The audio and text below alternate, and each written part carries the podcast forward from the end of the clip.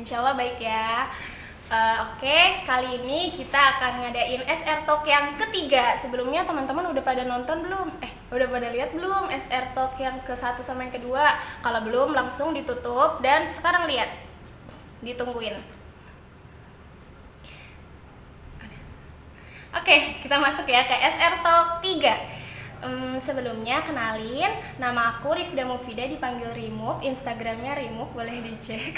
Kali ini SR Talk yang ketiga kedatangan tamu istimewa nih. Yang pertama adalah Karavel dari Departemen Biologi. Halo guys. Halo guys. Dan yang kedua, kita kedatangan tamu yang juga nggak kalah istimewa, yaitu Kak Intan dari Manajemen 53.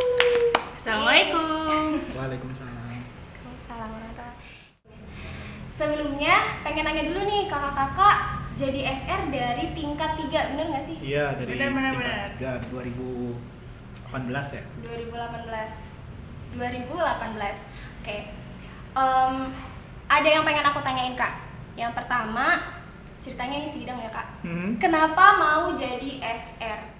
Padahal ada banyak banget ladang kontribusi di luar sana dan ngelihat kakak-kakak yang sekeren ini sebenarnya bisa tuh misal Karavel jadi presma misalnya atau Kak Intan jadi iya nggak sih jadi sekre jaknas dan lain-lain gitu. Kenapa malah milih jadi SR? Oke Lanjut. gitu ya. Oh dari saya. Ya. Oke gini, kalau misalnya ditanya jadi kenapa harus jadi SR, mungkin ini personal ya. Kenapa harus milih jadi SR? Saya dulu sudah mengikuti berbagai tipe organisasi ya, dari yang kontribusi kepada masyarakat langsung, ataupun organisasi formal yang mungkin dekat-dekat kayak OSIS yang sekarang itu mungkin ekuivalen dengan BEM gitu. Namun ketika saya masuk asrama, saya melihat eh, kakak-kakak ini mengikuti sebuah organisasi yang di mana mengayomi masyarakat yang mungkin jam kerjanya bisa dikatakan 24 jam. Yang mungkin hal yang terbaik menjadi miniatur bagaimana kita mengurusi ketika sudah menjadi pemimpin di masyarakat gitu. Bagaimana kita mengayomi, bagaimana kita belajar bukan sekedar berorganisasi, tapi juga bagaimana membangun keluarga kita di lorong kita, mengayomi adik-adik kita, bukan hanya memastikan mereka apa ya ikut profesional dalam organisasi, tapi bagaimana kita mendampingi mereka secara akademik dan juga bisa bertahan di kampusnya. Karena jujur ketika tingkat satu, eh, saya berasal bukan dari berasal keluarga yang wah banget ya gitu. Ketika tingkat satu pun ya cari ke mana-mana cari beasiswa sini situ gitu harus cari uang juga buat makan kan. Dan saya pikir bahwa oh nih emang harus ada orang yang benar-benar paham dan ingin serius gitu untuk membantu mereka gitu menghadapi masa-masa kritis mereka di tingkat satu dan saya pikir ini merupakan kesempatan yang sangat baik gitu untuk melatih diri saya sendiri bagaimana berkontribusi yang tidak bisa saya dapatkan di luar SR seperti itu Dan setelah masuk ke SR kakak ngerasa nyesel nggak? Mungkin ada iyanya ada tidaknya ya subjektif tapi masing-masing pilihan harus ada konsekuensinya dan harus kita terimakan ya yang pilihan terbaik ya pertama tadi apa pun konsekuensinya kita harus bersyukur dan bersifat ya profesional dalam segala keputusan kita Wow, keren banget parah. Coba aku mau tanya ke Kak Intan, ini juga pertanyaan sidang. Kenapa mau jadi SR?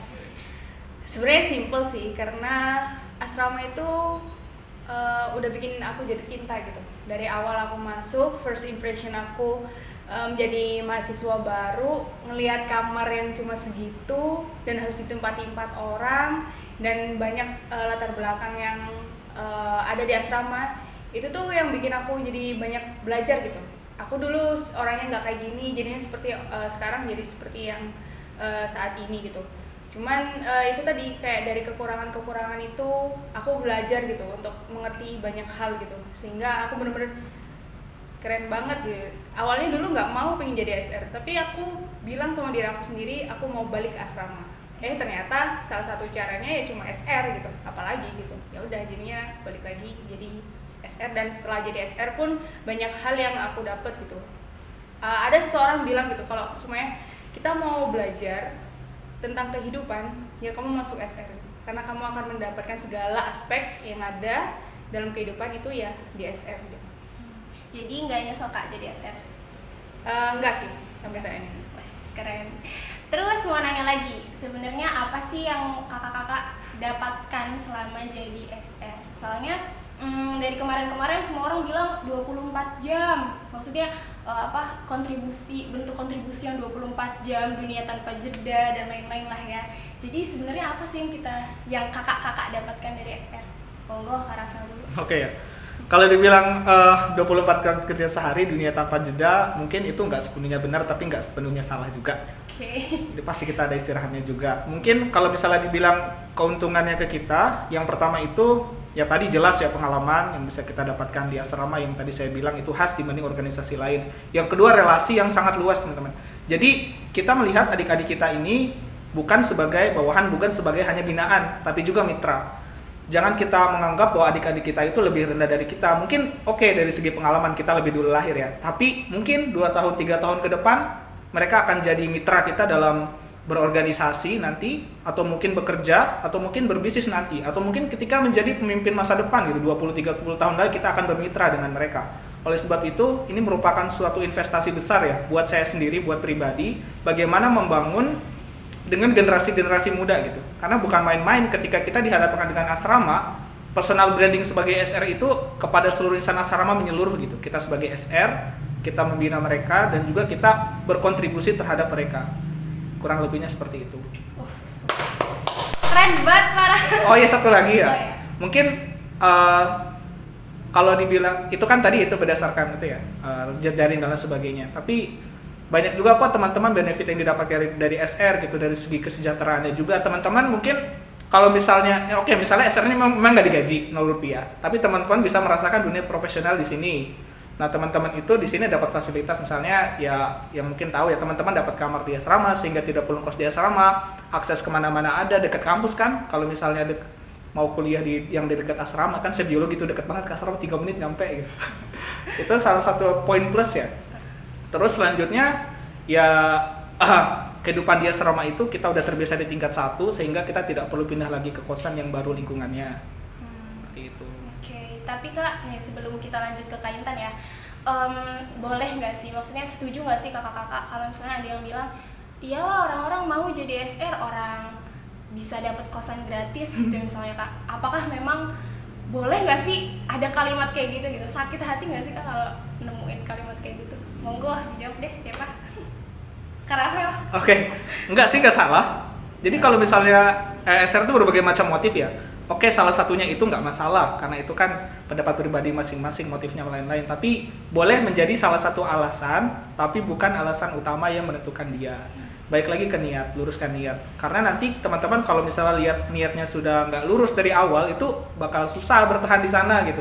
Karena teman-teman nanti ketika berekspektasi terlalu lebih terhadap fasilitas, teman-teman masuk SR karena hanya fasilitas, teman-teman akan kecewa dengan working hour-nya yang begitu besar gitu. Iya. Teman-teman ketika menyeimbangkan akademik dan SR ini sangat luar biasa dan mungkin ya uh, tidak jarang juga harus ada dikorbankan pada beberapa aspek gitu. Setuju. Kan? Setuju Tapi memang bagaimana belajar kita memanajemen working hour kita gitu. Ketika kita kuliah selesai gitu terus tiba-tiba mau di asrama udah dijadwal nih malam ini pokoknya di atas Jamal jam 21 sampai jam 12 itu mau nugas tiba-tiba di tengah-tengah nugas kita ada adik kan antar ke rumah sakit ya tiba-tiba naik ambulan. Ya naik ambulan wiwi sampai jam 4 pagi nungguin yeah. dia pagi. Terus kapan ujian tugasnya? Karena gitu apa ya anggap aja suatu pengalaman dan kalau misalnya lihat serius kalau niat yang gak lurus itu susah banget bahkan bertahan. Mungkin ah gue cabut aja besok gitu cap yeah, iya, mau pergi tanpa jejak. Mungkin bisa aja. Tapi ya ya gitu balik lagi ke kita masing-masing teruskan iya, niat dan kan niat kita itu membantu ya. Sebenarnya not what we get tapi what we give siap. Oke lanjut. Kita ke Kak Intan. Apa sih Kak Intan yang Kak Intan dapat selama jadi SK aku tadi setuju sih sama Rafael gitu ya. Karena emang uh, banyak hal gitu yang yang nggak bisa aku sebutin satu-satu gitu. Tapi ada satu hal yang benar-benar uh, bikin aku ngena banget gitu. Kalau sebenarnya SR itu tugasnya itu ngebangunin para raksasa-raksasa yang sedang tertidur yaitu insan asrama yang kita nggak tahu nih masa depan uh, dia bakalan jadi apa gitu nah tapi kadang itu SR juga lupa gitu. Kalau kalau dirinya sendiri itu juga raksasa gitu. Jadi sebenarnya uh, Eh, kegiatan-kegiatan uh, ataupun aktivitas yang dilakukan SR itu sebenarnya juga secara tidak langsung menyadarkan bahwa diri kita itu juga lagi ngebangunin diri kita sendiri gitu buat jadi raksasa besar. Nah itu sih. Jadi kalau semuanya eh, apa yang aku dapat nggak bisa aku perinci satu-satu karena dari segala aspek dari agama pasti ke genjot terus eh, dari profesionalitas dari eh, bagaimana kita mengemanage diri kita sendiri dari emosi dan lain sebagainya itu tuh pasti sangat berdampak sekali gitu. Karena emang kita kerjanya sama banyak orang ditutup banyak orang diminta untuk ini itu ini itu. Jadi eh, otomatis kita kalau nggak bisa lari ya itu tadi itu itu akan berpengaruh banget sama kinerja kita berpengaruh dengan akademik akademik kita bahkan sampai kenyamanan kita hal yang urgent banget gitu sebagai SR itu kita perlu untuk nyaman gitu siap oke jadi menyesalah kalian anak-anak IPB yang gak jadi Oh SR my god. Punya jalan masing-masing lah. iya iya benar-benar Oke, oke sesat emang. Oke, makasih banyak buat Kak Rafael sama Kak Intan. Sama-sama. Em, berhasil banget apa ya buat bikin Rim jadi bertekad untuk jadi SR tahun depan lagi. Doain Minimal ya, minimal satu. Ya, em, cukup dulu mungkin SR Talk 3 kali ini. Bagi teman-teman yang mau request tema untuk SR Talk, boleh banget langsung DM di Senior Resident 56. Oke. Oke? Oke. Kita pamit ya. Makasih banyak ya Kak Rafael sama Kak Intan. Oke. sama-sama ayo daftar SR Kita salam bareng-bareng. Assalamualaikum warahmatullahi wabarakatuh.